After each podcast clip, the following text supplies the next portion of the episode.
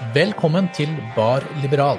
Podkasten hvor Anders Wengen og Herman Ekelund inviterer smarte folk for å finne ut hva et godt liberalt samfunn kan være i dag og i framtida. Velkommen til Bar Liberal. Finn deg en stol og slå deg ned.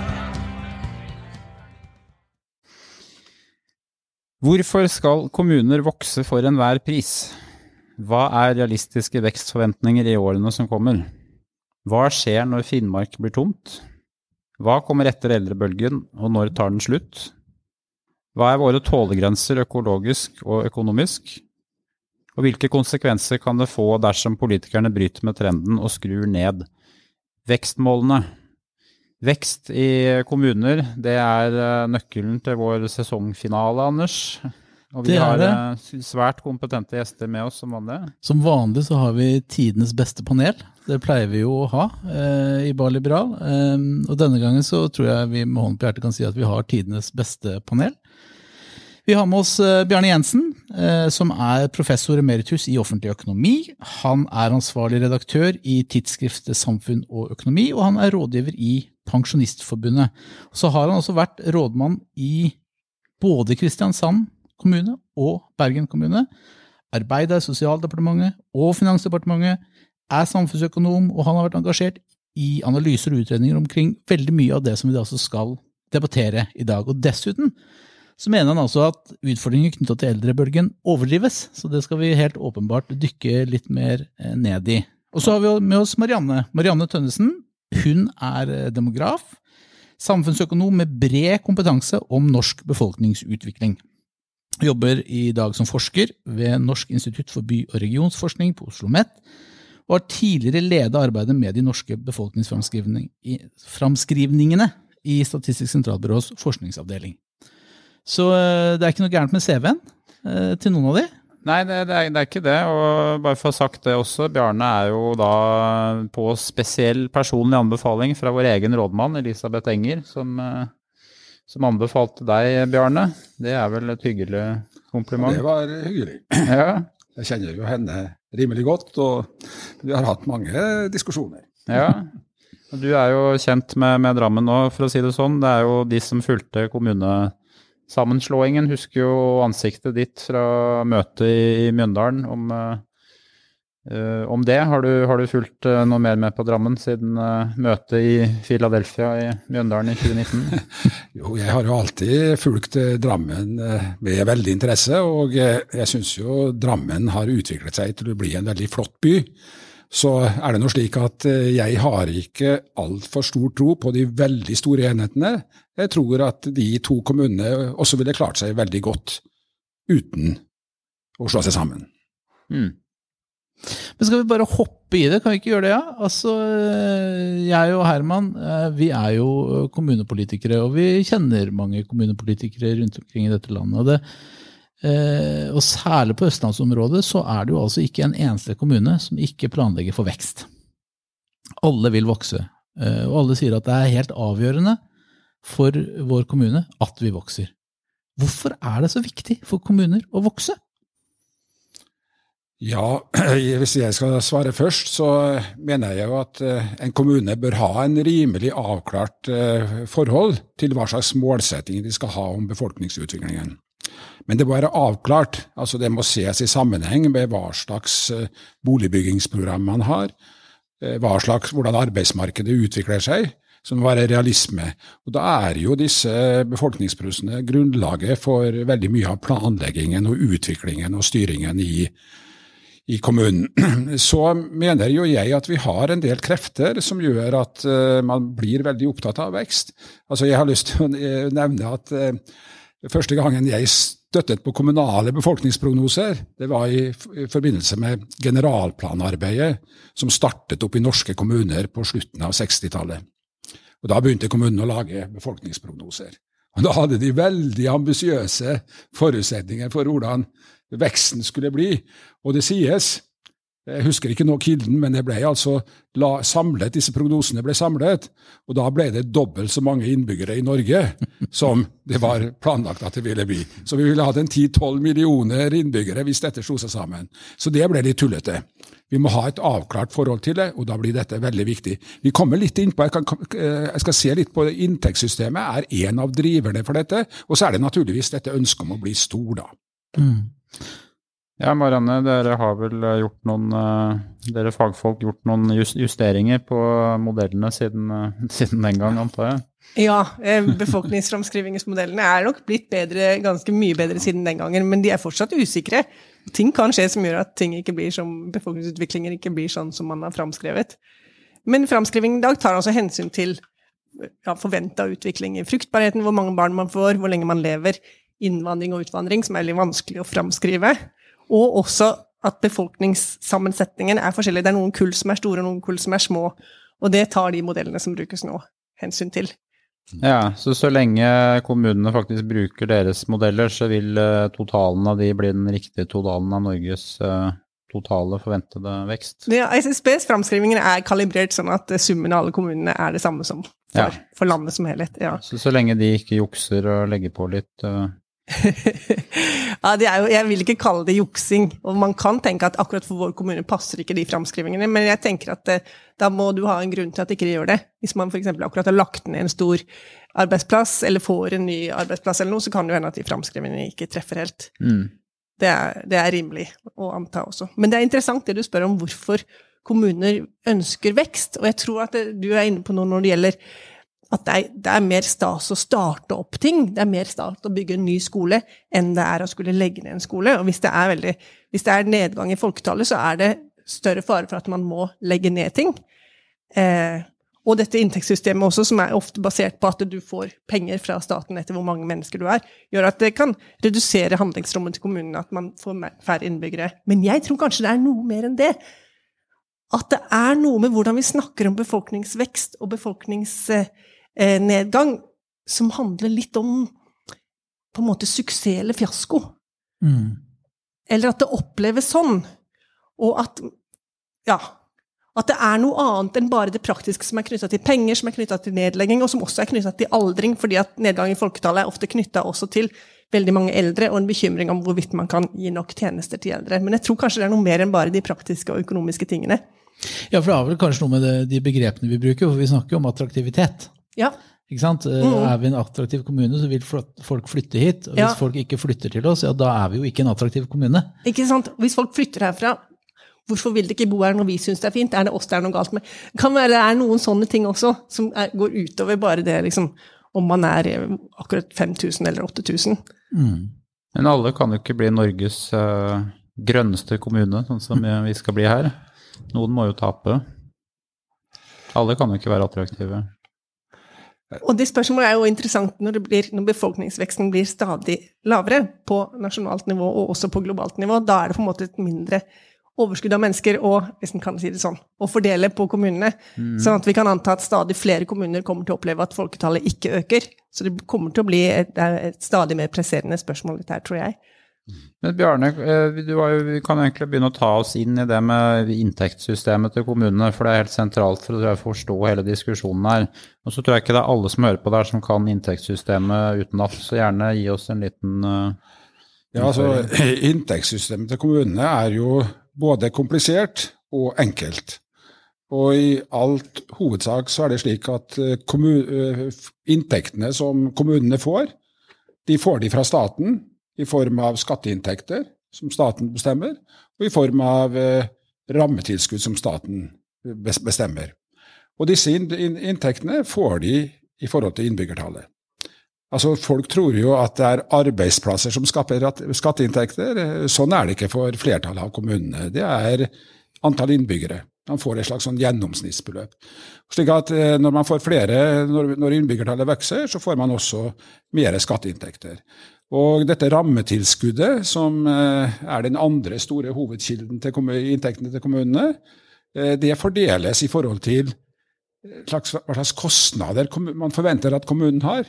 Og de fordeles stort sett i forhold til innbyggertall, det også. Og da er det antall eldre, altså over 70 år som er den store driveren, og så er det antall yngre under 15 år som er driveren. Så er det en rekke andre forhold også, men de også er knyttet til folketall.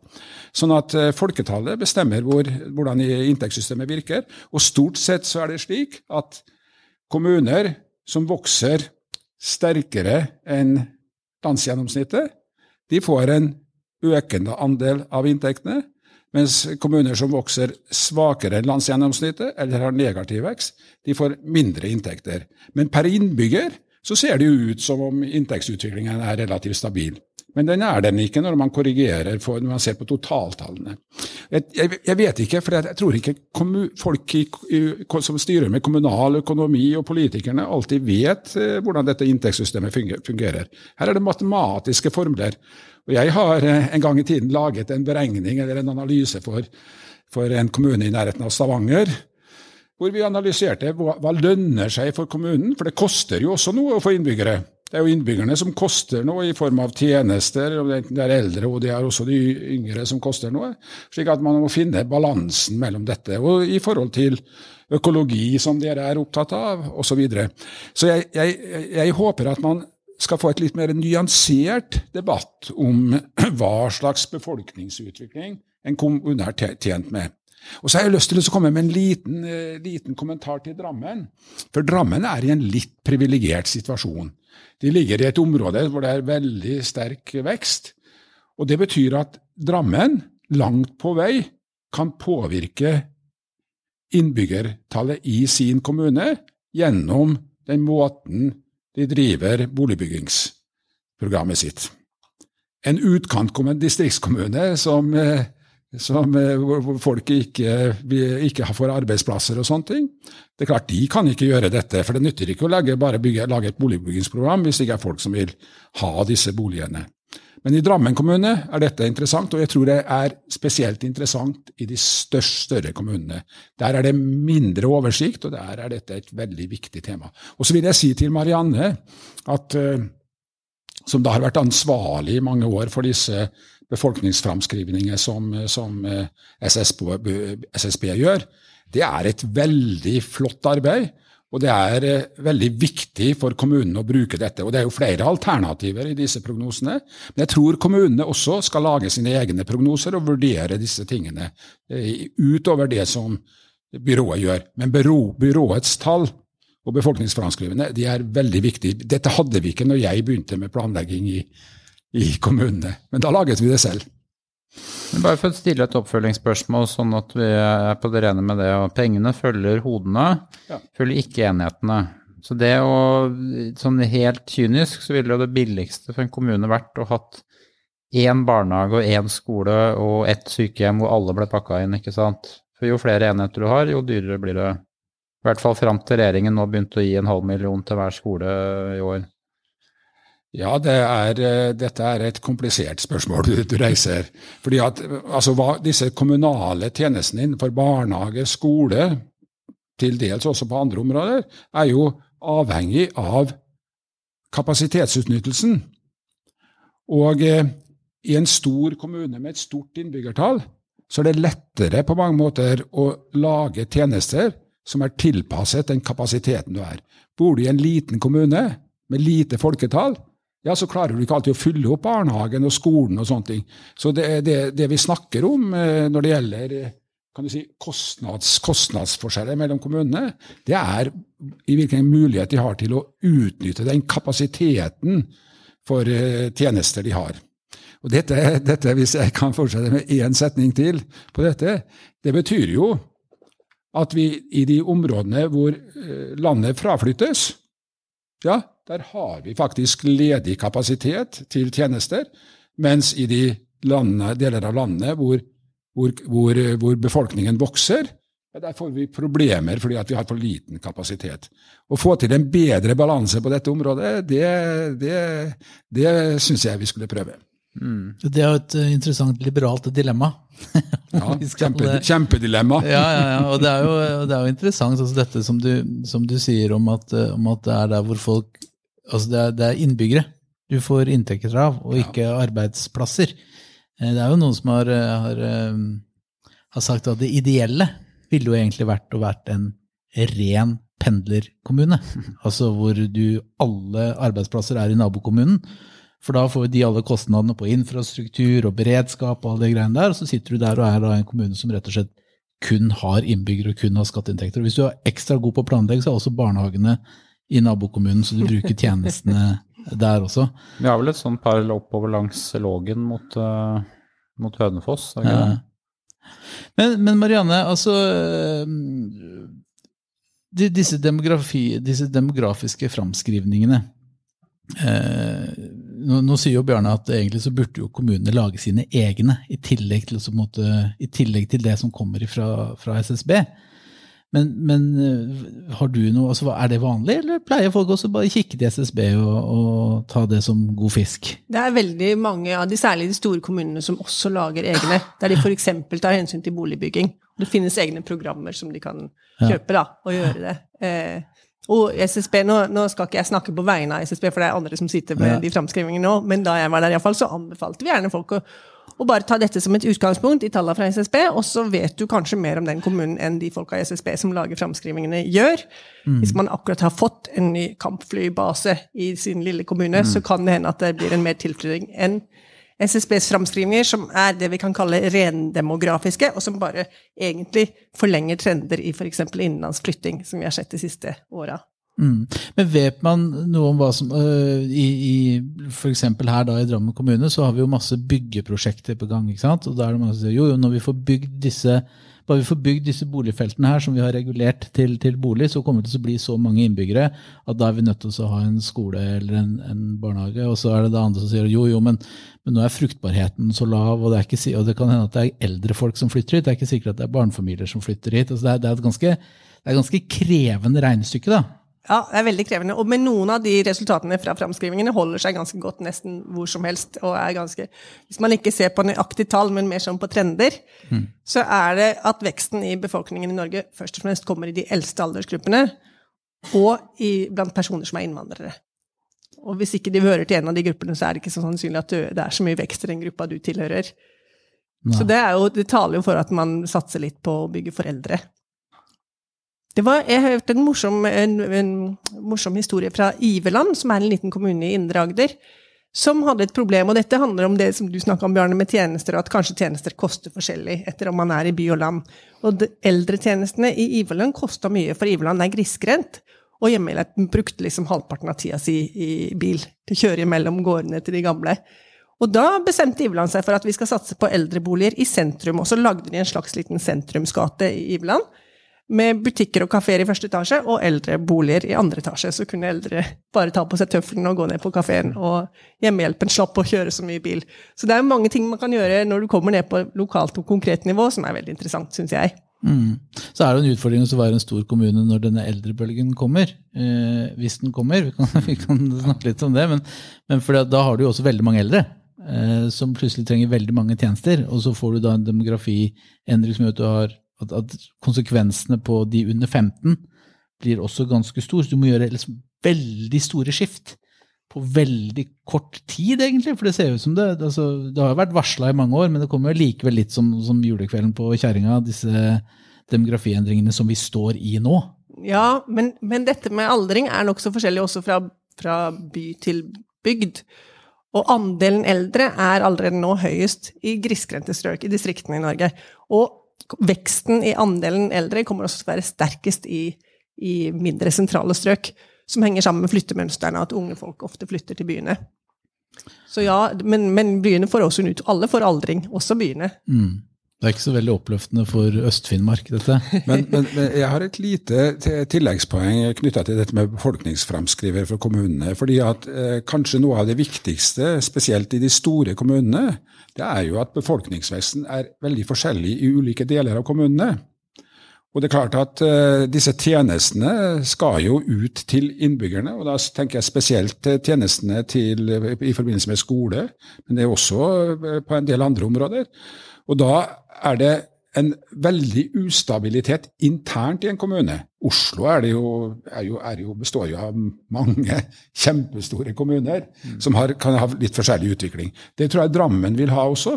slik at det, det tilleggsmomentet som, eh, som eh, de store kommunene har for å skape skikkelig oversikt over planleggingen, det er på mange måter å se på også bydelene. Altså De må lage bydelsvise prognoser.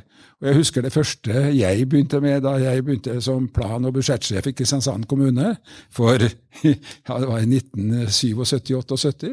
Det var å begynne å se liksom på kunne vi dimensjonere boligbyggingen på en, slik, eh, på en slik måte at vi slapp hele tiden å bygge nye skoler der hvor vi bygde ut, og så sto skolene i, i de gamle bydelene, i de sentrale bydelene, f.eks. på Lund, som du kom fra, de ble stående nesten tom.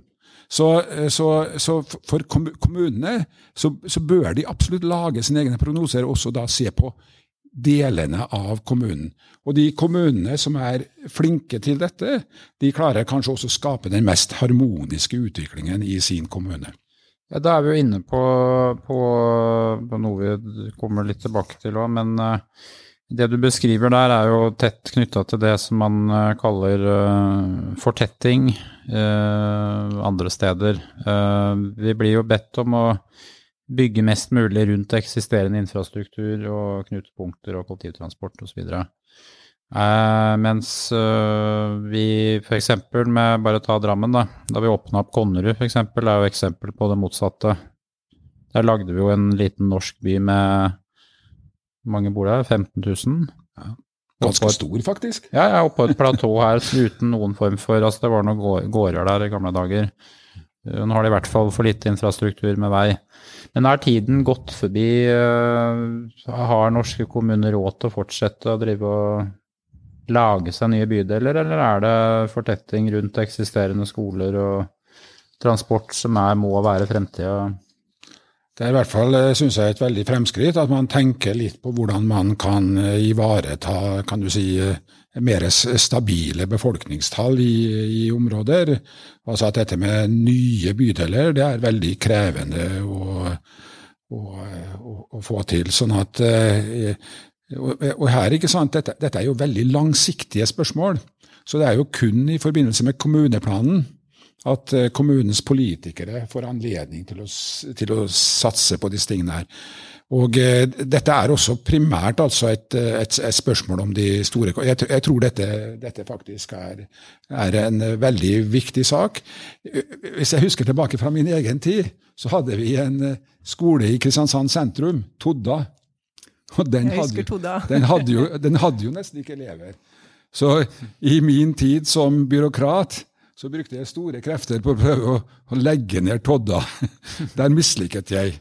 Og Sannsynligvis var det bra at jeg mislyktes, fordi at uh, forutsetningene hadde jo endret seg. Nå er jo eh, sentrum langt mer attraktivt. Og uten denne gamle Todda, som man til og med flyttet ikke sant? fordi det kom en vei i nærheten, mm. så, så, så, ville det sett litt magert ut uh, med, med sentrumsskolene. Og, og, barn tror jeg har veldig godt av å ha en skole i nærområdet sitt. Mm. Da politikerne hang rådmannen? Nei, de hang meg ikke. Jeg, jeg, jeg fikk ikke gjennomslag. Og i ettertid så syns jeg det var greit. Det er det beste med rådmannen, at vi kan skylde på rådmannen. Ja, ikke sant. Men litt tilbake til, til, til demografi, Marianne, for jeg syns det er, er, veldig interessant. Og, og det er kanskje Særlig du var inne på det, dette med innvandrerbefolkning, uh, hvor, hvor vi jo har erfart uh, at uh, immigrasjonen fra Øst-Europa har gått veldig ned. Eh, så ble det varsla en stor sånn eh, flyktningflom i forbindelse med Ukraina. Eh, den har blitt litt mindre enn man, man antok. Men, men, det er mye som tyder på at, at, at antallet nye innbyggere fra Øst-Europa går, går, ned. Uh, og vi har en demografiutfordring i, i hele Europa. Altså, hvor, hvor alvorlig er demografisituasjonen? I Europa? I Europa og i verden. I, og i verden. ja, Hvis vi tar det veldig store bildet, så er det ett ord som jeg vil bare oppsummere alt med ubalanse. Mm. Og noen eh, land har nedgang i folketallet. Det gjelder f.eks. i Øst-Europa, Japan. Eh, noen land har veldig lav fruktbarhet. Å få barn det er nesten de samme landene. Det er litt migrasjonsting også. Og så er det fortsatt noen land som har veldig høy befolkningsvekst og høy fruktbarhet. Eh, og den ubalansen gjør jo at vi kan forvente, hvis vi ser på de, de globale befolkningsframskrivingene, så forventer man at folketallet i Afrika vil vokse veldig kraftig og begynne å nærme seg folketallet i Asia. Som jo er definitivt den største, mest folkerike verdensdelen i dag. Eh, men dette gjør jo også at f.eks. spørsmålet om befolkningsnedgang eller lav fruktbarhet og bekymringene knytta til det samtidig speiles av bekymringer andre steder knytta til altfor høy fruktbarhet, og at kvinner får mange flere barn enn det de ønsker seg, og altfor høy befolkningsvekst i land som allerede er fattige. Og det er litt vanskelig retorisk å peke på det ene som et stort problem, når det andre også er et stort problem. Mm. Om du skjønner hva jeg mener. Mm. Og det avspeiler seg også i forskninga, demografisk forskning, hvem, hvilke områder man fokuserer på, og at man kanskje har en tendens til å fokusere på de problemene som finnes i land som er rike. Mm. Jeg ser det, men hvor er det med Men uh, man er jo seg selv nærmest. ja, man er jo det. Holdt jeg på å si. Og det er jo noe med, med Jeg vil bare spørre om én ting først. Uh, er det sånn at vi fortsatt liksom uh, regner med at befolkningsveksten globalt ender på sånn 11 milliarder, 10-11 milliarder ish, eller er det har det altså, endra seg, eller? Her må jeg spørre, når skal denne podkasten publiseres? I morgen? I morgen? Ja. ja. Fordi at i begynnelsen av juni, nå husker jeg ikke nøyaktig, jeg tror det er sånn rundt Nei, juli. Sånn rundt 10. juli. Hver oppstad kommer det nye befolkningsframskrivinger fra FN. De kommer bare annethvert år. Eh, så da kan det hende at mitt svar vil være annerledes etter det. Men de offisielle FN-framskrivingene ender på ca. 11 milliarder ja. i år 2100. Og da ser det ut som det, og det er det siste året de publiserer, at da har det flata så mye ut at det ser ut som det er en topp. Men det finnes andre befolkningsframskrivinger som er gjort av andre, som ikke har helt den samme autoriteten som FN, men som likevel har, har stor publikum, som sier at den toppen i befolkningsveksten i verden kommer tidligere og ikke blir fullt så høy som 11 milliarder. Så det er, er det noen som er i andre enden, som tenker at det kan bli mer enn 11 milliarder? Nei, ikke av de som er, blir regna som seriøse. Nei. Nei. Så det finnes en sånn rogue eh, demografieksperter der ute. Ja, og ikke så demografi, men ja, ja, Men, men hvis vi går til, til, Europa, altså, hvilke konsekvenser får det for eh, innbyggertallet i, i Norge, dette? Altså Hovedproblemet eh, demografisk i mange rike land er at det blir en veldig kraftig aldring av befolkningen. Så det er ikke sikkert at bekymringa er så mye knyttet til hvor mange mennesker som er der, men hvor mange gamle det er i forhold til unge som skal da være de som eh, forsørger de eldre med å mm. betale mm. skatter og jobbe og være arbeidskraft eh, som eh, steller de gamle. Og, for, og, pårørende som steller de gamle. Det blir ubalanse. Men, men, balansen der, ja. Men jeg tror altså at uh, dette med, dette med uh, folketall, og hvis vi ser dette i et glo glo globalt perspektiv, så er problemet at vi blir for mange. Altså befolkningsveksten i verden er altfor høy. Og eh, den skulle man på en eller annen måte ha tatt tak i, men det er jo ikke så veldig lett å gjøre det. At Norge har lavere fødselstall og får dermed en lavere egen befolkning, det syns jeg er et problem som overdrives voldsomt. Norge kan få de innbyggerne vi vil. Altså Folk vil stå i kø for å komme til, til, til Norge. Slik at denne frykten for at vi ikke klarer å skaffe arbeidskraft til å pleie de eldre, den er betydelig overdrevet. Fordi at det er klart at verden flommer jo over befolkning. Etter min vurdering er det veldig bra at folketallet ikke vokser så sterkt som det har eh, vokst tidligere. Og eh, Europa er mer faktisk et eh, Det er positivt at dette skjer. Eh, folketallet i Europa vil bli litt preget av innvandring. Det som er problemet, det er altså at folketallsveksten blir for stort, stor. Så, så totalt sett, vi, tenker du da? Ja, totalt sett. Og ikke i Norge. Det, det tror jeg ikke er noe, det er ikke noe stort, vil ikke være noe stort problem for oss. At, at fødselskullene jeg vet ikke, de var vel på en rundt en 50 000 som ble født hvert år, eh, stort sett eh, tidligere. Hvis vi går tilbake til eh, perioden fra 1925 til 1945, så hadde vi veldig små alderskull i Norge. Så da fikk Norge en eldrebølge i 1995, faktisk, som kulminerte slik at Antallet eldre i Norge her, fra 1995 til 2015 har jo gått ned som andel av befolkningen. Nå øker det veldig kraftig. Og vi må naturligvis innrette samfunnet på en slik måte at vi ta, ta, klarer å håndtere dette på en måte. Og Der syns jeg Marianne ga et veldig godt eksempel med måten Iveland hadde gjort det på. Det er klart ikke sant, at uh, istedenfor at uh, disse gamle skal bo på gårder hvor det er omtrent eh, ikke mulig å komme frem på vinteren med sne og brøyting og allting, og hvor du kanskje skulle ha mer friske oppegående, så kunne de bygd i langt større grad eldreboliger i sentrum. Det er et, et veldig godt tiltak for små kommuner som har, har mange eldre. Ja, her beveger vi oss nærmere og nærmere din uh, store påstand i dag om at eldrebølgen er overdrevet. Ja. Uh, du må gjerne starte å prøve å overbevise om den? hvis du vil. Ja, for det første så er det jo slik at uh, det er jo ikke slik at alle eldre koster noe i form av omfattende tjenester og tilbud. De fleste eldre klarer seg jo uten tjenester, og klarer seg på egen hånd. De fleste eldre har eh, inntekter og betaler skatt, og de betaler faktisk delvis for tjenestene sine.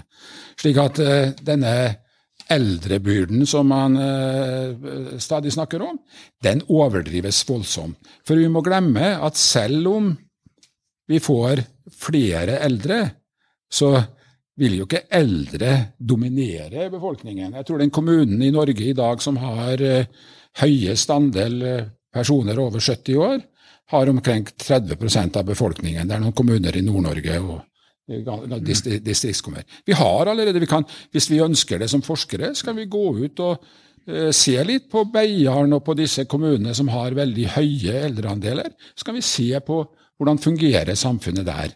Og uh, de klarer jo, de, de eldre er jo mest fornøyd med tjenestene de får i disse kommunene men, eh, men, eh, og mindre fornøyd faktisk i de sentrale områdene.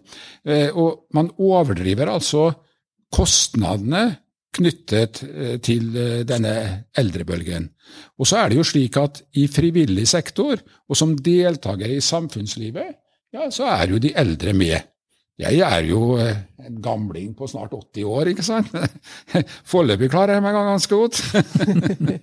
Men jeg regner med at du altså Vi får jo høre at uh, den eneste liksom, frelsen fra det her er å lykkes med å legge til flere trinn på den såkalte omsorgstrappa. Er det ja, jeg tror i hvert fall at her må kommunene være litt kreative. Og eh, et av de, eh, de, de, de, de må gjøre, de må naturligvis utvikle tjenester og tilbud som er slik at eh, de eldre får dekket dette. Det er en god del eldre som trenger sykehjemsplasser. Demensproblematikken er naturligvis veldig stort. Hvordan skal vi håndtere dette? Men der er det både teknologiske utviklinger, og ikke minst, vi må legge til rette sant, for at de eldre kan klare seg så lenge som mulig. Og Det er på mange måter kanskje den viktigste politiske spørsmål når man skal utvikle tjenester og tilbud i kommunene. Hvordan får vi dette til på en god måte. Men vi må ikke se på din eldre som en kostnad i dette bildet. De eldre betaler skatt. De, de får, kommunen får inntekter i forhold til de hodene som kommer der. Og de får noe ekstra penger, fordi hvis du får noe for mange over 80 år og 90 år, så får du litt ekstra penger også. slik at denne eldrebølgen som man uh, snakker veldig om, den er, ikke, den er overdrevet betydelig. Og så må vi aldri glemme at Norge i hvert fall eh, de nærmeste årene vil ha en relativt ung befolkning. Hvis vi går og ser på altså det nivået som Japan har f.eks. i dag, det skal jo mye til at Norge nå har det nivået, mm. selv langt inn i framtiden. Og Norge er et rikt land. Vi, vi, vi, teller antall personer i forhold til antall eldre.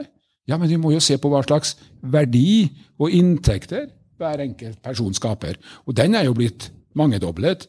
Eh, siden vi hadde eh, altså, Hvis vi ser det i et litt perspektiv. Som sagt, vi hadde en eldrebølge som snudde i 95. Da gikk andelen eldre ned. Og så har den øket, øket, øket, litt igjen, slik at den kom på samme nivå som 1995 i 2015. Så tenker du, Marianne, er, det, er eldrebølgen overdrevet?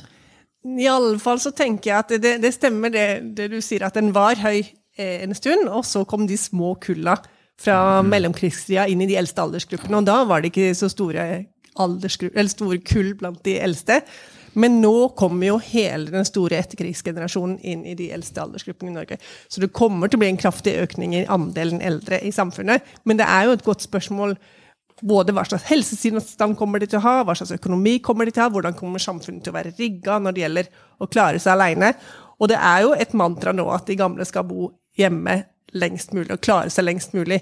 Jeg er litt redd for at det mantraet er blitt sagt litt for mange ganger, og at det, det er ikke lett hvis du er gammel og begynner å bli dement, eller blir veldig redd, eller på en andre måte får ødelagt livskvaliteten fordi du ikke får lov å komme på sykehjem. Eh, så jeg tror nok at det vil bli, og det sa jo du også, at de demente er en egen gruppe som kanskje vil måtte komme på sykehjem uansett. Og demens eh, øker, og det er relativt lite forskning på demens. Og det er også interessant hvor forskningsaktiviteten er i forhold til hvilke sykdommer som er kostnadskrevende for samfunnet. Da. Ja, dere ramler jo midt oppi en ganske betent uh, strid her lokalt med dimensjonering av sykehjemsplasser. Jeg merker at det er mange Det er en del pårørende som uh, sliter litt med å akseptere det premisset du nevnte her nå, at det kommer til å gå helt bra bare vi har nok velferdsteknologi for mamma og pappa, så de kan sitte hjemme. Det er, det er nok mange som har innstilt seg på at mor og far skal få en sykehjemsplass uansett. Så det er nok Ja, det er nok ikke så, så enkelt. I Drammen så jobber vi jo ganske sånn innovativt òg, for øvrig da med Hva er det den heter igjen, den derre demenslandsbyen? Helleristningen? Ja, ja, ja, ja. oppe, ja. Så vi har jo noen forsøk her, da. Men jeg tror du identifiserer noe viktig her, da, med at det er det er noen sånne profetier som må oppfylles for at vi skal klare de regnestykkene. Jeg sitter i hvert fall jeg og tenker ofte, da.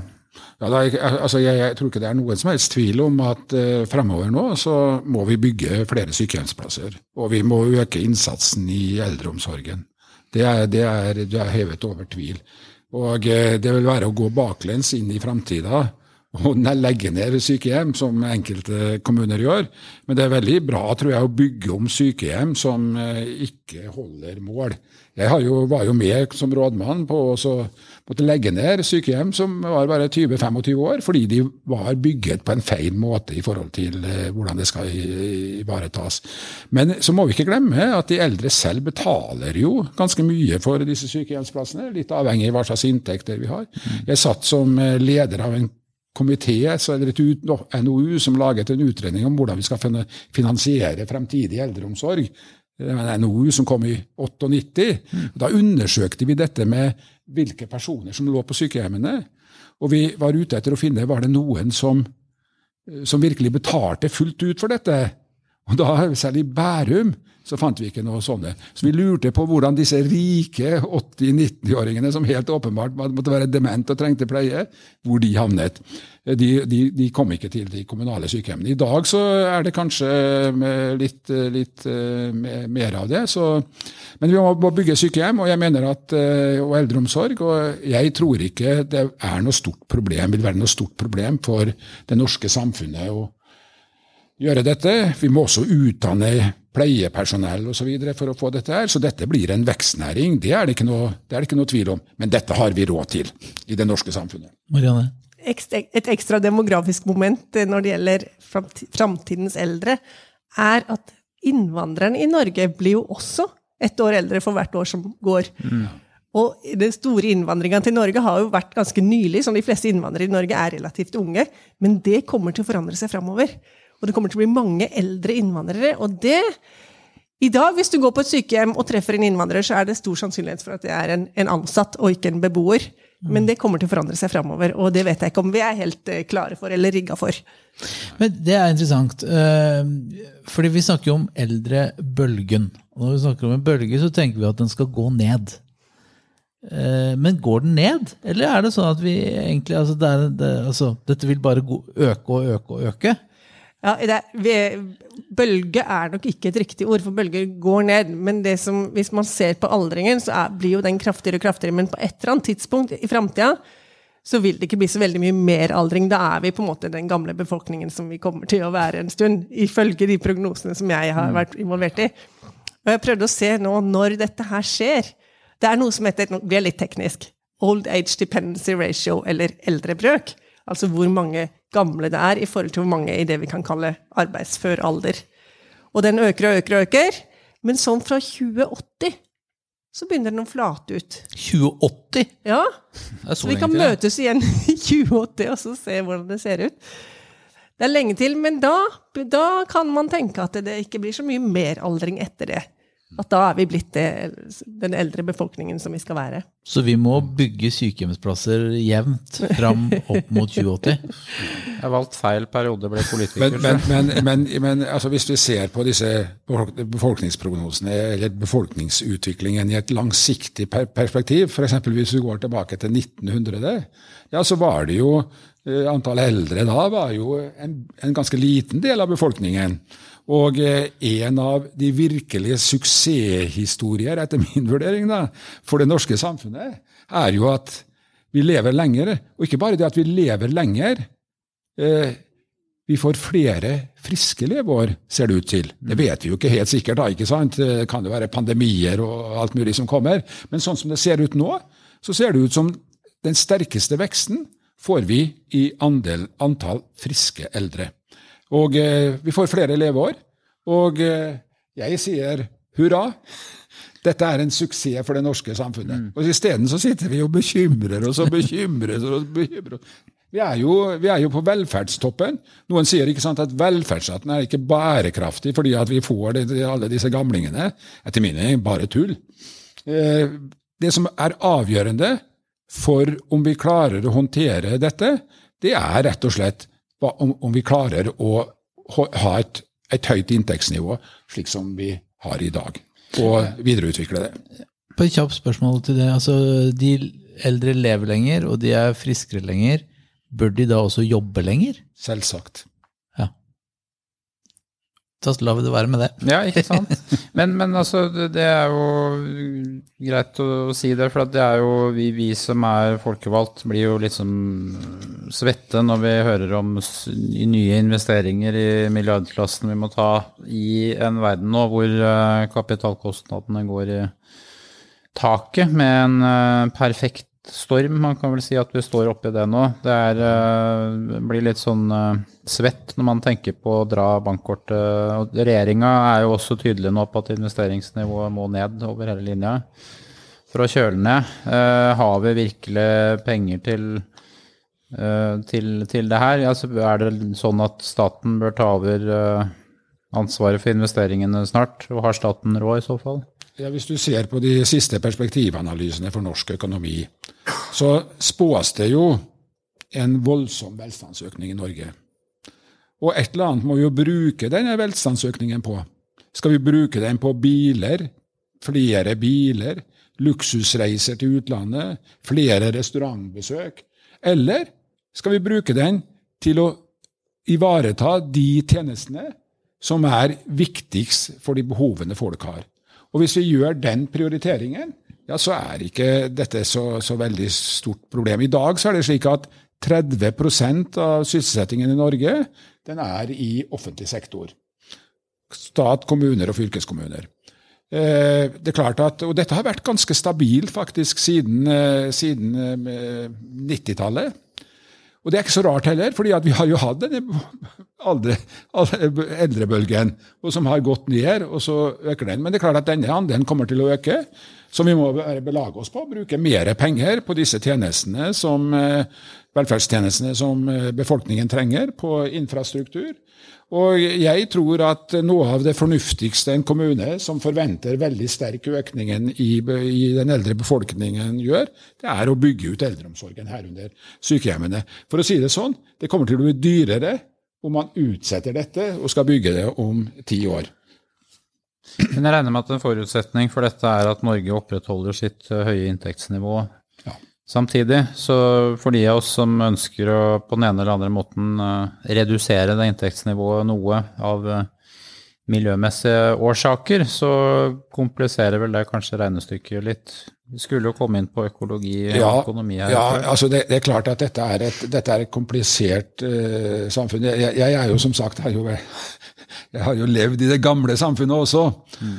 Og det er klart, vi har det jo mye bedre i dag enn vi hadde det på 50-tallet, f.eks. Eller 40-tallet. Eh, dramatisk eh, forskjell i virkeligheten. Men på en annen side så er det jo slik at eh, vi kan jo ikke mer enn spise oss mett. Og liksom den velstandsutviklingen som vi nå ser altså den, den, den, der, der, der, trenger vi den diskusjonen som du reiser her med økologi og sånn. Er dette godt for samfunnet vårt? Er det godt på mange måter med den utbyggingen som da kreves i sentrale strøk? Er alt dette fornuftig? Og Der er det viktig tror jeg, å sette, stille spørsmål for at det ikke går for fort nå. Mm. Ja, for på et sted så tar det jo Skal ikke jeg misjonere, for mine kjernesaker her, men på et sted Det er din podkast, så du kan gjøre ja, det du vil. Ja. Nei, men på et, et sted så der det må det jo være en grense. altså Enten det er for uh, klimautslipp, eller om det er for tap av biologisk mangfold, eller for innbyggernes nærnatur, ikke minst. da. Innbyggerne vil jo gjerne ha noen grøntområder å, å gå til. Um, så jeg sitter og tenker mye over hva, hva, skjer den dagen det er tomt, rett og slett. Hva gjør vi da?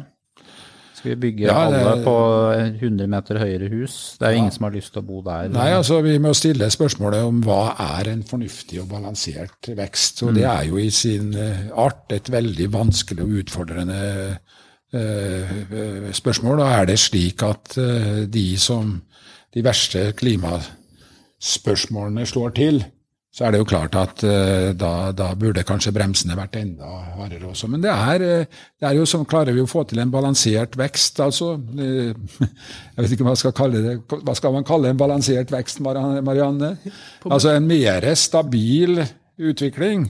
Altså ikke disse voldsomme uh, vekstene. Så tror jeg, det, tror jeg vi ville vært tjent med det. Men, men det, det, er vanskelig, for vi, vi, er jo innstilt på dette, som Marianne sa innledningsvis. Det er klart at det er prestisje knyttet til det å bli vokse og bli rikere og sånne ting. Det er klart, Her, her trenger vi, tror jeg, en, en, annen tenkning. Men vi ser jo opp til de rike, de superrike. Og det blir jo mm. stadig flere av dem. Ja, det er mitt hjertesukk. Altså, det hadde vært det beste som kunne skjedd oss kommuner, tror jeg, hvis vi hadde slutta å lage mål i kommuneplanen om å bli best i Norge på et eller annet. Jeg syns det har vært mye bedre at vi kunne vært en sånn passe bra ja, ja. kommune på helse som skal bli så gode vi kan. På det som mål, Drammen var jo sett på som gjennomsnittskommunen i mange år. Gjennomsnittlig stor. Altså det var, eh, ja, er det så gærent, da? Er det ikke Kanskje ikke. Men et annet spørsmål, eh, Marianne. Vi har snakket om, om, befolkningsvekst og vi har snakket om migrasjon. En annen global trend er jo urbanisering. Eh, jeg er jo fra Vadsø eh, i Øst-Finnmark, eh, og vi fikk jo der så kom det en rapport i, i fjor høst fra Skjøtten. Skjøtt Pedersen han mm. leda det arbeidet som viste det at hvis ikke det gjøres voldsomme grep umiddelbart, så er det tomt for folk i Finnmark om Jeg husker ikke hvor lenge det var, 40-50 år siden. eller noe. Um, og jeg har jobba mye med kommuner i Finnmark, og der har de altså de har, som, som du var inne på i stad, altså de har ledig kapasitet på skoler, de har ledig kapasitet på barnehager, på sykehjem. En skrikende mangel på arbeidskraft. De har eh, tomter, de har ledige leiligheter, men folk flytter fra og ikke til. Er det, er det håp for, for distriktene? Jeg tror ikke at Finnmark vil tømmes for folk. Du tror ikke det? Nei, jeg tror ikke det. Og uh, Mulig at folketallet i Finnmark vil synke litt, men jeg tror det vi kommer til å se i Finnmark også, er at folk mer og mer at vi får en slags urbanisering også i Finnmark. Alta har jo vokst veldig mye, f.eks. Byene i Finnmark har jo ikke synkende folketall. Nå vet jeg ikke akkurat med Vadsø. Altså, de flytter jo til Alta, da. De flytter til Alta. Der har vi. Og at det er en del bygder, eller deler av kommuner, som kommer til å bli avfolka i Finnmark og andre steder. Det tror jeg på. Og sånn har det jo vært fram til nå også. Det fins jo en god del steder i Norge der det ikke bor folk lenger. Mm. Små plasser. Så det er nok en trend som kommer til å fortsette, tror jeg. Og så spørs det liksom, er det håp for Finnmark? Igjen, hva er håpet om? Eller hva er, hva er målet, da? Hvis målet er å opprettholde eh, for det er jo det kommunene der har som mål. altså det er jo Hvert år så er det som i, i lokalavisa, så når disse folketallene kommer Når Vardø har mista to innbyggere, og så høres ikke to så veldig mye ut, men klart hvis du er 1000 innbyggere, så, så, så, så betyr det en del. Ikke sant? Og det er jo det store. Alta har fått 75 ekstra innbyggere. Vadsø har mista 30. Det er jo det man snakker om. Hvordan skal vi greie å opprettholde, eller aller helst få til vekst i folketall? Og det er det som jeg syns er litt interessant, når det kommer sånne tall, hvilke ord man bruker. Det er nesten som at nå kommer karakterbøkene til kommunene. Så ser man hvem som har liksom, Jo, det er jo det det er. Ja, det er litt sånn. Og hvorfor snakker vi Eller fins det ja, stadig flere stemmer som jeg hører, oppfordrer kommuner til å finne andre mål, kanskje i tillegg eller istedenfor befolkningsvekst. Kan vi ha andre mål for hva som er suksess i vår kommune? Og da tror jeg, hvis man begynner å tenke sånn, at det kan bli ganske spennende både i Finnmark og andre plasser. Og hvordan måler man eventuelt de andre suksesskriteriene? Dette, er et veldig viktig og interessant tema. Og eh, Hvis man går rundt og ser seg om i Norge, så er det klart at det er jo distrikter og bygder som lykkes veldig bra. Og så er det også noen hvor det er for sterk eh, fraflytting. Og så må man stille da spørsmålet kan kommunen gjøre noe med dette? Altså, er, Kommunen er jo innbyggerne, ikke sant? Kan kommunen gjøre noe med dette? Og det tror jeg kommunen faktisk kan gjøre noe. Fordi at eh, det er jo ikke Altså, det skal jo ikke så mange mennesker til. Og det er jo en rekke kvaliteter i disse distriktene som vi ikke opplever her i, i, i Oslo, vi som bor sentralt. Så jeg tror i og for seg at det er nok folk til å få til denne utviklingen. Men da må, må på mange måter kommunene også være flinkere til å skaffe seg innbyggere. Altså de må jobbe mer aktivt og bedre med det, mer kreativt. Eh, det er jo slik at eh, på somrene og i juleferier og litt under, så strømmer jo innbyggerne, til og med hver helg, ikke sant, så strømmer jo innbyggerne ut til disse distriktene.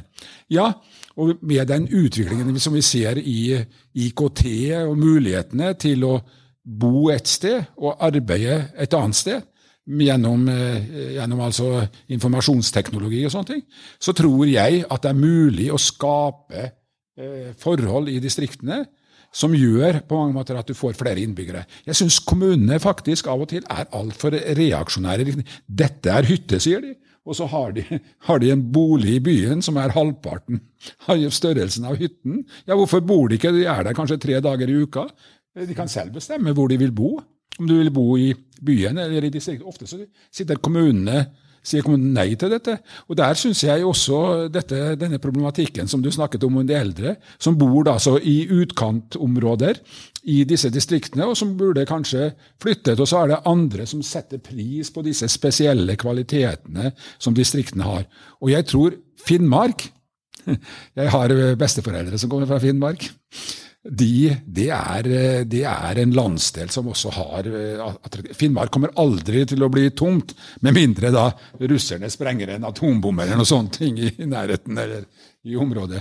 Jeg tror, jeg tror, jeg tror faktisk at eh, vi, kommunene må være mer kreative. De må være flinkere med måten de utvikler boligbyggingsprogram. Og det, mest, det viktigste faktisk i boligbyggingsprogrammet til kommunene fremover, det er hvordan skal de bygge boliger som er tilpasset hele befolkningen. Altså Det er ikke nødvendigvis altså En bolig er ikke en bolig. Det er klart at Hvis eh, jeg var i Hemsedal og holdt et foredrag det er klart at Den bygda er jo full av folk. Og det er nesten umulig å skaffe seg hus der oppe. Ja, Hvorfor bygger de ikke da mer eldreboliger? Hvorfor lager de ikke boligbyggingsprogram? De har jo også penger. Men, og sånn, sånn, er det i mange bygder i Norge. Og det bor i virkeligheten mer folk i distriktene enn det som blir registrert i Statistisk sentralbyrå. For de Du må bare bo i én kommune. Men Hemsedal er vel en av de ytterst få kommunene vi også ja, har som vi har befolkningsvekst. Da, ikke sant? Resten er jo og det, altså Jeg har vært uh, fylkespolitiker også, og det var så mye programmer. Lys i glasa og Liv på bygda. og det var Noen har hatt prosjekter for for å få de unge para til å produsere flere unger. Det er uten at jeg skal gå for mye detaljer på de programmene. Men, men altså det, altså det, man har jo gjort masse i mange, mange år. Er, uten at man får det til. da, Uten at man greier å tiltrekke seg dette. Det hva, hva, er nøkkelen? Kanskje må vi se også på fiskeripolitikken og på jordbrukspolitikken mm. i forhold til uh, akkurat disse tingene der. Og i framtiden så vet vi jo at det ser stygt ut når det gjelder maten vår. og ja, jeg, jeg, tror at man har mer muligheter. Og det er en kombinasjon sant, av å få til en riktig politikk.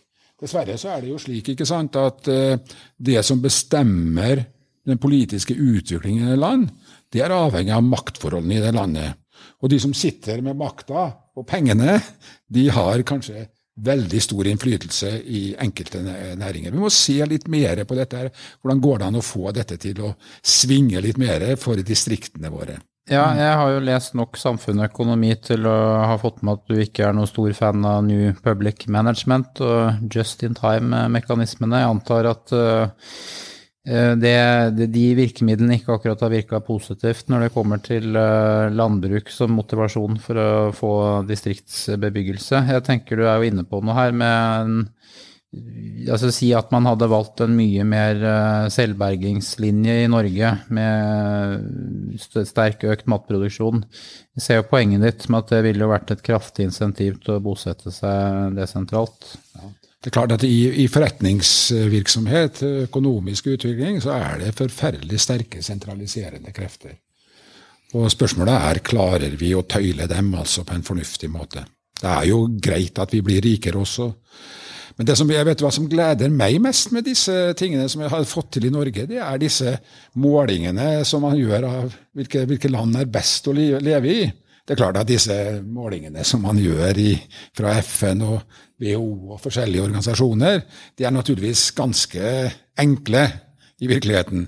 Men likevel, altså Norge, og da er det ikke bare økonomi. Vi har altså skåret på topp i er det fem, seks, syv, åtte år.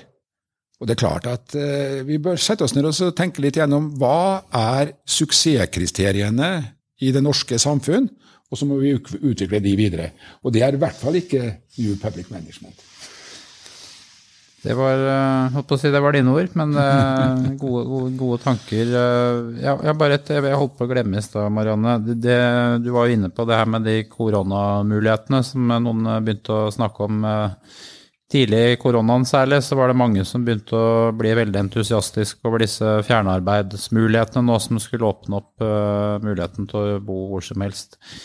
Er det, det er jo ingen tvil om at Norge har kommet seg på Teams, for å si det sånn. Det, det er vel de fleste nå. Det er mange som reiser mye mindre på jobb. Men ser du noe på, på å si realisme i det der, eller var det et sånn overdrevet ønske fra starten av? Er det noen grunn til å forvente noe effekt? Dette har jeg faktisk forska litt på. Ja, ikke sant? og sett på de som flytta ut fra Oslo i 2020 og 2021. For begge de åra var det en ny rekord i utflyttinga fra Oslo til resten av Norge. Eh, og, og, hvem var det egentlig som flytta ut, og kommer de tilbake? er det liksom jeg har mm. spurt da om. Og de som flytta ut, noen av de jobba i sånn butikker og restauranter, og de kan man forvente, tenker jeg, at kommer tilbake når jobben er tilbake, for Oslo var jo stengt helt ned.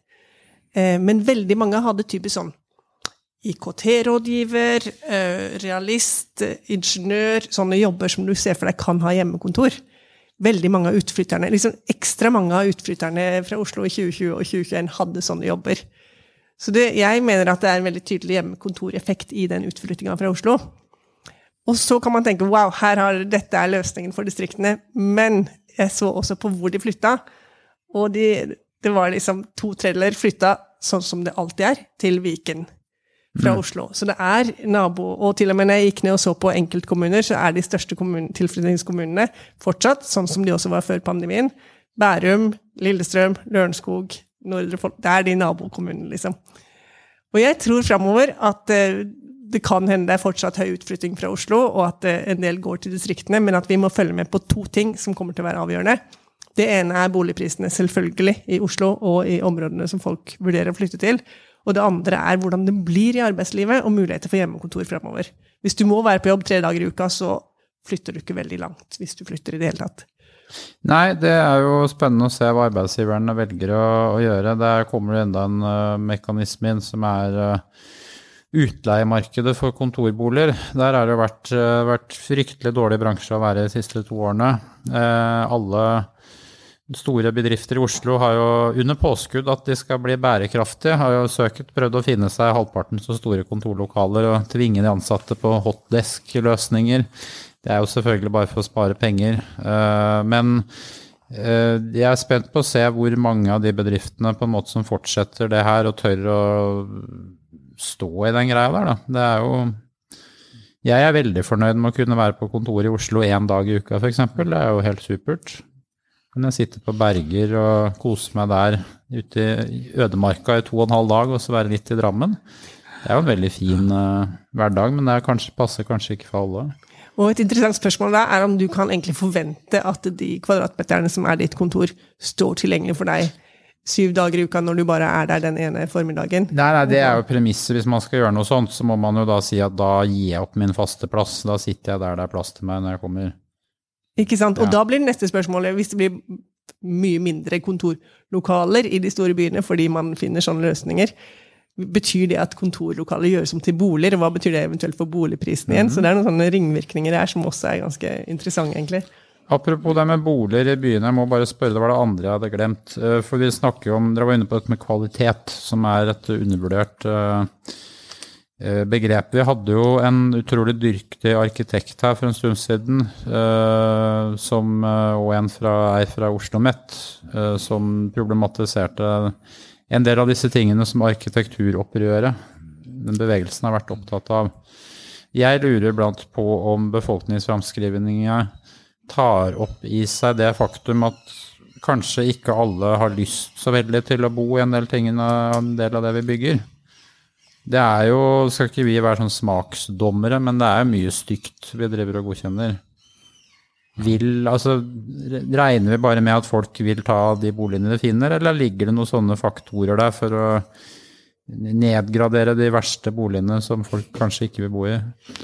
Hvis jeg, hvis jeg, kan svare på det. For, for, for, Oslos vedkommende så er det klart at det er så press i boligmarkedet at uh, selv om det du tilbyr er av dårlig kvalitet, så vil det dessverre vil det bli, bli, bli, kjøpt. Der er det mangel på, på, på boliger.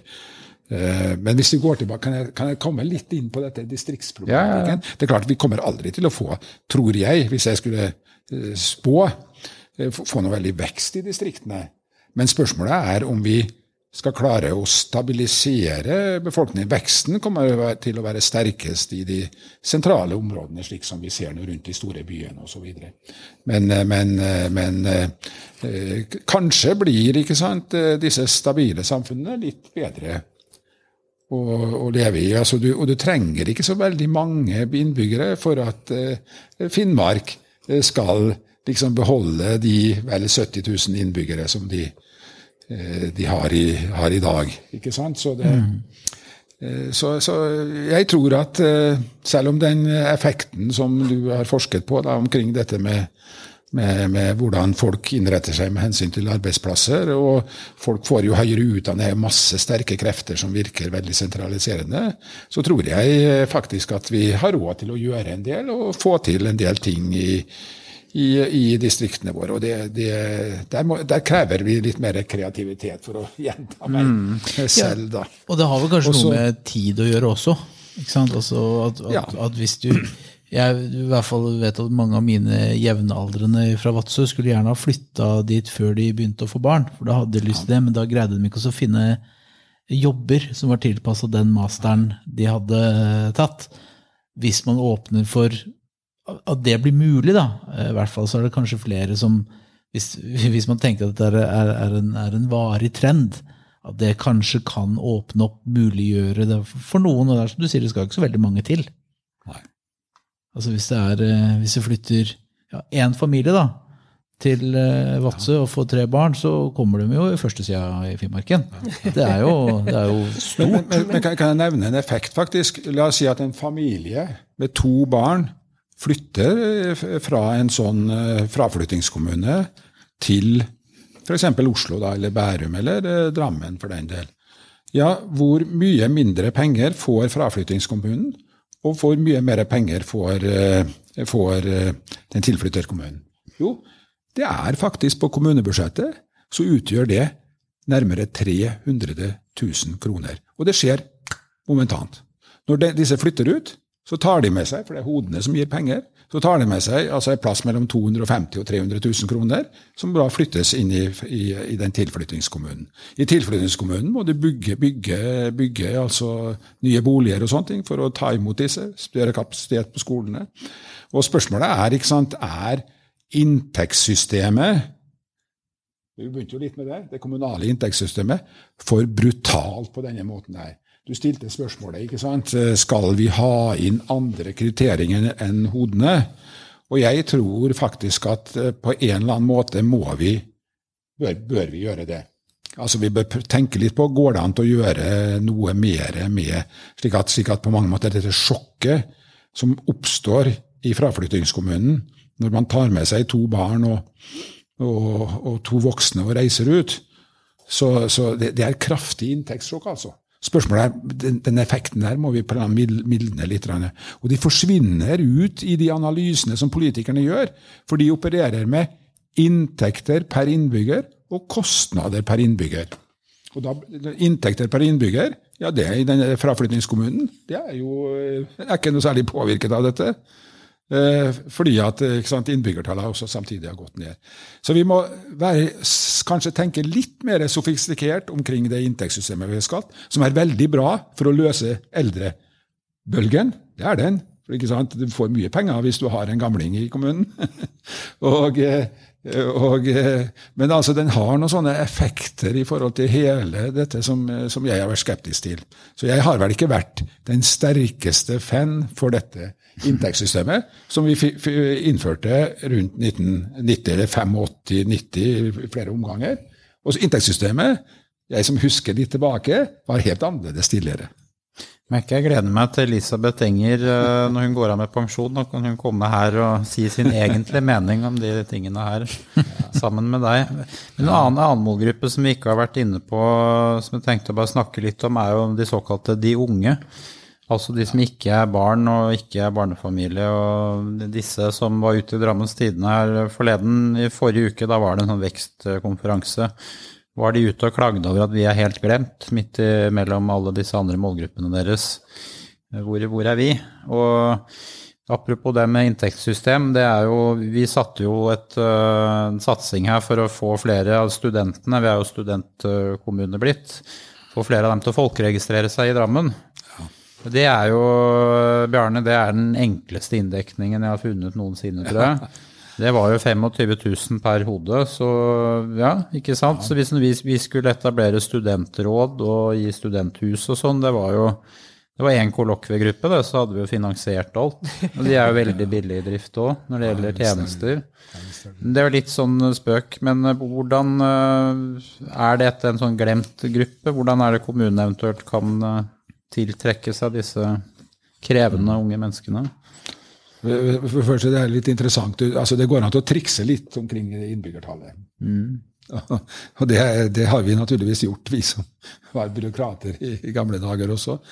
Men eh, er denne, denne, disse, denne ungdomsgruppen en glemt gruppe? Jeg, jeg Vel, det, det, dette er et tema som jeg ikke har så veldig god i, i, i hvert fall ikke sett så veldig mye forskning på og sånne ting. så så jeg skal, skal, være litt sånn forsiktig og uttale meg veldig sterkt. Men eh, det er klart at veldig mange av ungdommene våre har det jo veldig bra.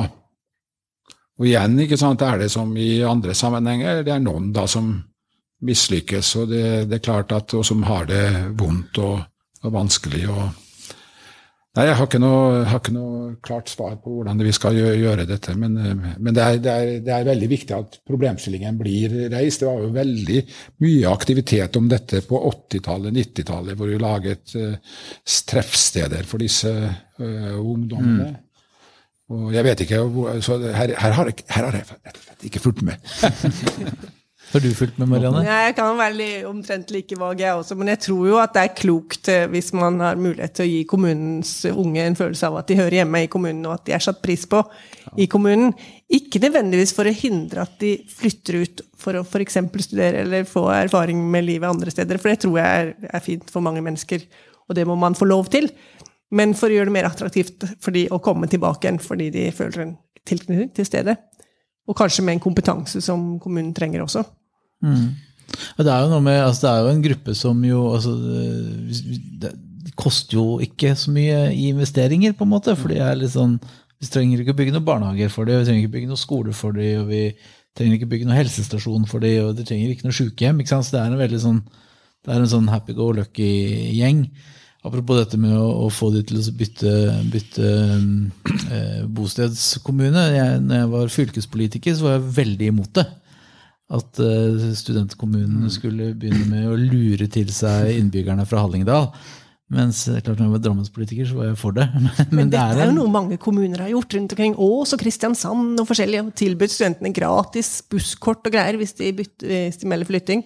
Det gjør selvfølgelig statistikken og tidsseriene veldig ustabile, som jeg ikke liker, men eh, ser Ja, ja. at det kan ha en økonomisk Og da får du jo den effekten som Bjørn var inne på i stad. Hvis, du da hvis, hvis Ål da plutselig mister eh, 25 innbyggere fordi at de melder flytting til, eh, Ja. til Drammen, så, så er det ganske stor, et sjokk da for økonomien der oppe.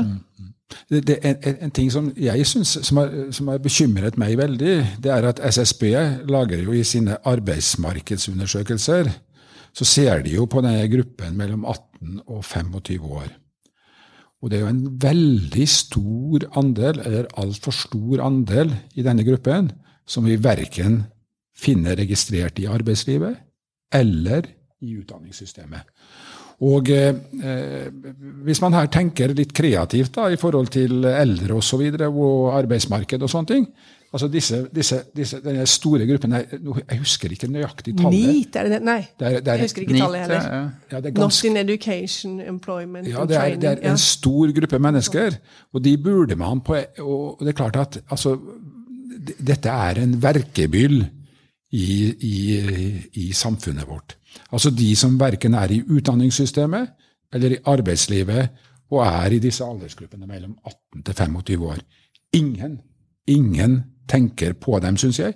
Og det er, det er eh, jeg, vet ikke, jeg vet ikke om vi har sammenlignbar statistikk fra gamle dager hvor mange dette er, men jeg har et inntrykk av at dette er en utfordring. Og det er klart at når vi vet at det er mangel på arbeidskraft, Altså, Det skrikes jo om mangel på arbeidsplass. Hvorfor klarer vi ikke å lage et systematisk program for å få tak i disse menneskene, slik at de kan få gjøre en samfunns... Altså en, en, en, en, et, et, altså, For det er klart at altså kan, det er nesten ikke akseptabelt. for det, altså Jeg tør ikke å si tallet, men det er mange mange, mange tusen altså dette det, det dreier seg om. Og SSB har arbeidsmarkedsundersøkelser som viser dette. De er verken i utdanning eller i, i, i arbeidslivet. Hva skal vi gjøre for å få tak i den gruppen eh, vi snakker om her? I Drammen har vi jo et sånt, eh, så jeg bare kom på det, et sommerjobbprogram som er veldig bra, det som heter Ny start. Det er jo retta direkte mot den målgruppa her eh, og yngre. Men det, det er, de plasseres jo da inn på sykehjem og jobber der på sommeren. Det må jo være en eh, bra dytt inn i det arbeidslivet der. Det er jo veldig i tråd med det du sier. Men jeg har jo lest om disse nitene fra Japan og USA, jeg òg. Det virker jo som det er en gruppe som er i ferd med å, sånn kulturelt i hvert fall, virker permanent plassere seg på utsiden av det etablerte livet og leve på velferd. Det, det liker, liker det ikke. Dere, vi har holdt på i godt og vel en time, vi. Eh, Ja, vi må ta det liksom store Vi må lande og få det store, stygge spørsmålet til slutt. Ja. Jeg har ett, kanskje du har ett òg? Begynn du. Ja. Hvor ille skal vi eh, fortelle innbyggerne våre at det kommer til å bli i kommunene våre de neste årene? Hvor mye skal vi sette skrekken og riktige forventninger i dem? Ja, jeg syns i hvert fall at man eh, skremmer litt for mye eh, nå, altså. Fordi at eh, klarer vi å beholde eh, inntektsnivået i Norge, så har man også god råd til å utvikle disse inntektene våre. Og det er klart at jeg har jeg tror jeg satt og prøvde å telle gjennom i dag hvor mange kommunebudsjetter jeg har laget, dere i hvert fall hadde ansvaret for å lage. Og det er sikkert en ca. 20 år jeg har laget sånne budsjetter, eller 17-18 år. Og det er klart at vi startet alltid med et vanvittig underskudd. Men det gikk jo bra. Det skal jeg ta med meg. Ja, hva, er det, hva er det kommuneøkonomen må unngå, da? Hva er det hvis du skal holde en bærekraftig kommuneøkonomi? Hva er det du må styre unna for å holde skipet Ja, man, man, man må naturligvis være forsiktig med å ikke overinvestere, som du var innom. eh, Pådra seg veldig stor gjeld. Har, altså, å låne penger har ikke kostet noe ikke sant, i en lang periode nå. Så vi har eh, kanskje, kanskje i den perioden, så eh, når man nå da får en økt gjeld, for vi vet jo at de norske kommunene er ganske forgjeldet, så, så går, mye penger går til renter og avdrag på lån. Men husk da at eh, storparten av denne gjelden har vi til staten. Ja, ja.